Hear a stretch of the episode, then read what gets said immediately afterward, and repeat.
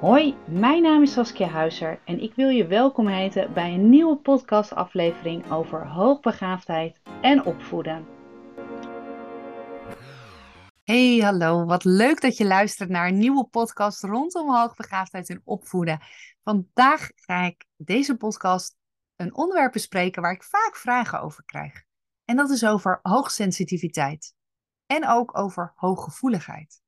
Want wat wordt daar nou precies mee bedoeld? En wat kun je daar eventueel doen in combinatie met hoogbegaafdheid? Nou, eerst wil ik gaan uitleggen wat er bedoeld wordt met hoogsensitiviteit. Want eigenlijk zijn we allemaal, alle mensen, in meer of mindere mate sensitief.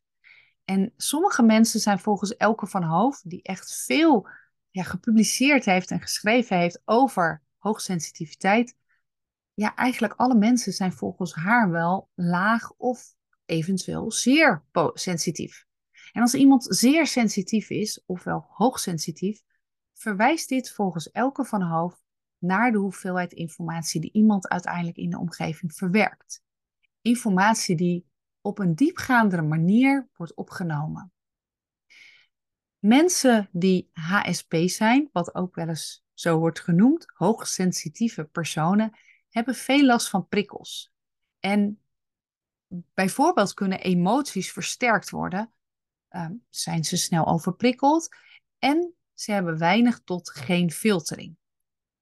En een voorbeeld, om een voorbeeld daarvan te geven, is eigenlijk dat bijvoorbeeld een kind die van een buurvrouw hoort als die aan het buitenspelen is: hey, wil je misschien even ergens anders naartoe gaan met die bal?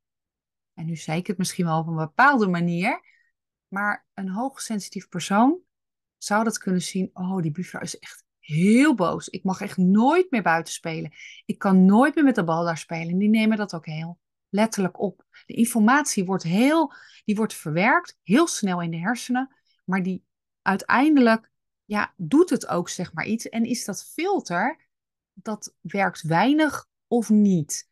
En daardoor kan dit kind wel helemaal binnenkomen overstuur. Terwijl een persoon die dat niet herkent, dus, dus niet deze kenmerken heeft, die denkt gewoon, ja, nou ja, de buurvrouw vond het niet fijn dat ik daar speelde, omdat misschien de bal in haar tuin kwam en haar bloemen uh, beschadigd werden of zo. En dat is heel iets anders. En hoogsensitiviteit zie je ook eigenlijk dat iemand veel meer dus informatie opneemt en dus veel meer verwerkt. En allebei komende kenmerken zijn dan ook een gevolg van die sensitiviteit. En juist die bijkomende kenmerken, dus dat een kind bijvoorbeeld angstig wordt, of een kind zich heel erg terugtrekt, of juist heel erg druk gedrag gaat vertonen, dat wordt bedoeld met hooggevoeligheid. Dat is dus eigenlijk de emotionele reactie die iemand krijgt door overprikkeling als gevolg dus van alle informatie die dus binnen wordt, of wordt, binnen wordt ja, opgenomen eigenlijk door de hersenen. En de Poolse psychiater Dabrowski, uh, die introduceerde ook eigenlijk de hooggevoeligheden. De vijf overgevoeligheden noemt hij dat ook. De overexcitabilities. En hij heeft eigenlijk deze overgevoeligheden ja, in bepaalde groepen ingedeeld, in dus vijf kenmerken. En eigenlijk kunnen die los van elkaar kunnen die ontstaan en bestaan. En als ik dan de, meteen de link wil leggen op hoogbegaafdheid, veel hoogbegaafde personen ervaren ook dat zij op één of meerdere van die overgevoeligheden, ja, dat ze daar iets van merken ook in hun dagelijks leven. En ik wil eerst doornemen eigenlijk, wat wordt er nou dan, welke vijf gevoeligheden zijn er dan? Die Dabrowski dan dus omschrijft. Nou, de eerste overgevoeligheid die Dabrowski omschrijft, dat is psychomotorisch. Kinderen die een enorme grote bewegelijkheid hebben, een grote behoefte hebben aan actie, snel praten, impulsief zijn, lichamelijke onrust hebben, friemelen, uh, hyperactiviteit en soms ook dus minder slaap nodig hebben. Een andere groep is zintuigelijke overgevoeligheid. En dat zijn kinderen die enorm kunnen genieten ehm, ja, van allerlei dingen, maar dan ook echt heel overdreven misschien wel kunnen genieten. Behoefte hebben om zich uit te drukken in muziek, in kleur, in geur, in vormen, taal. En ze hebben ook een sterke behoefte om dingen aan te raken, om te voelen en te ruiken. Je hebt ook intellectuele hooggevoeligheid.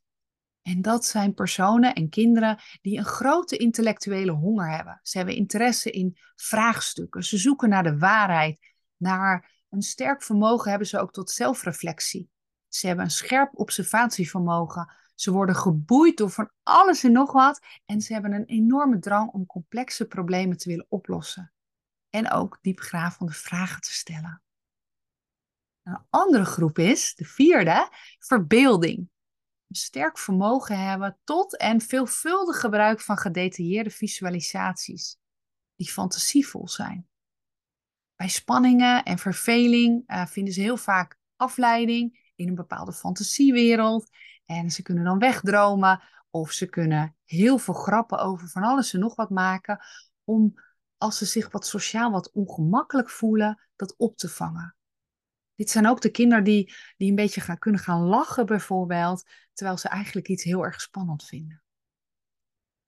En dan als laatste uh, overgevoeligheid die Dabrowski omschrijft, is de emotionele hooggevoeligheid. Extreme in emoties hebben en reacties. Van, uh, nou, uh, heel diepgaand, zeer heftig, tot wel zeer genuanceerd. Sterk rechtvaardigheidsgevoel hebben. En ook een inlevingsvermogen heel goed in orde hebben. Een grote compassie om met anderen en het vermogen om ook hele intense relaties aan te gaan met vriendjes, vriendinnen, maar ook misschien wel met volwassenen. Sterke herinneringen hebben en daar ook een bepaald gevoel bij hebben van ervaringen in het verleden. En ook een bepaald bewustzijn hebben dat ze ook veel, veel ervaren.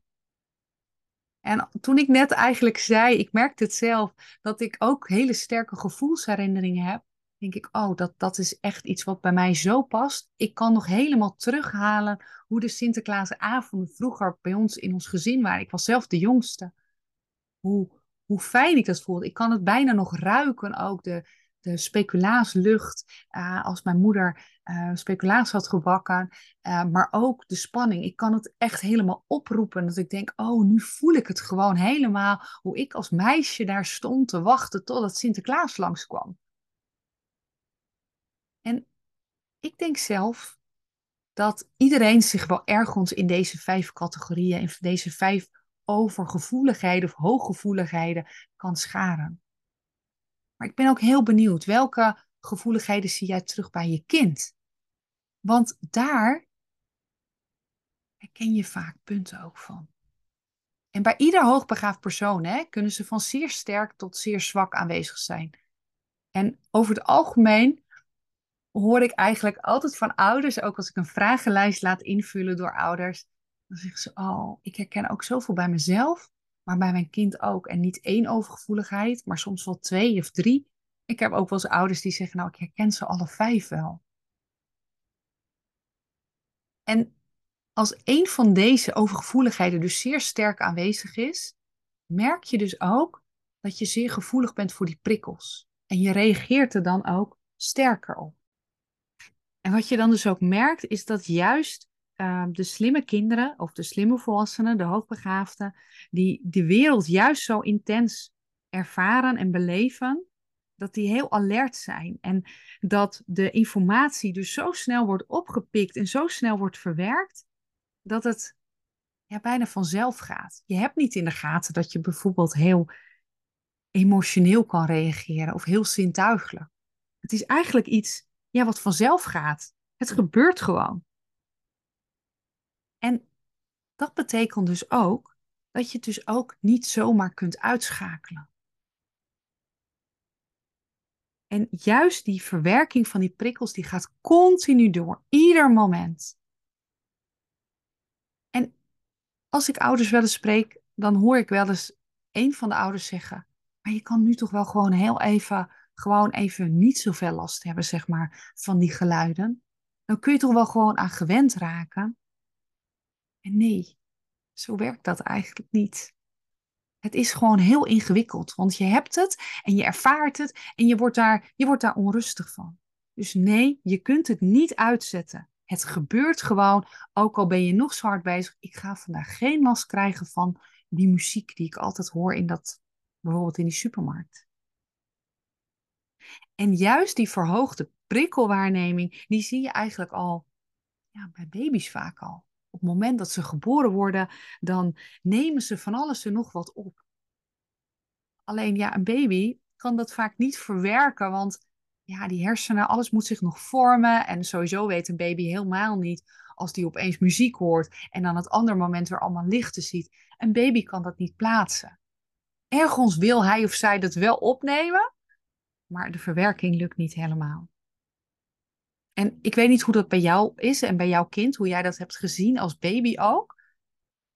Maar als ik naar mijn eigen kinderen kijk, dan denk ik, oh, die wilden eigenlijk de hele wereld zien. Ze stonden volledig open met hun ogen, met hun oor, met alles.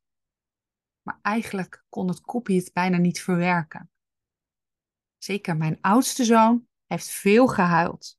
En die voelde zich niet altijd content en blij.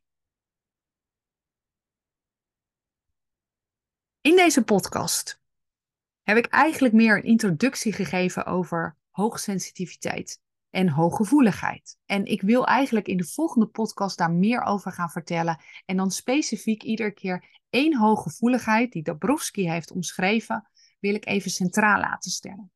En daarbij wil ik dan ook tips geven wat je zou kunnen doen om je kind daarin mee te ondersteunen. Wat doe je bijvoorbeeld als je kind ja, heel veel last heeft van, van, van um, naden of kaartjes of, of labels in bijvoorbeeld een trui of uh, wol of een andere gevoeligheid. Wat doe je daar bijvoorbeeld mee? Nou, mocht je daar meer willen over willen weten, zou ik zeggen, ga zeker een van mijn volgende podcasts volgen, want ik ga hier nog veel meer over vertellen. Mocht je er vragen over hebben, stuur me gerust een mail of een berichtje via Instagram. En als je andere vragen hebt rondom hoogbegaafdheid, dan mag je dat natuurlijk ook altijd laten weten. Wat ik heel erg fijn zou vinden, waar je mij heel erg mee zou helpen, is als je misschien een review zou willen schrijven. Of even door middel van de hoeveelheid sterretjes aangeven wat je van mijn podcast vond.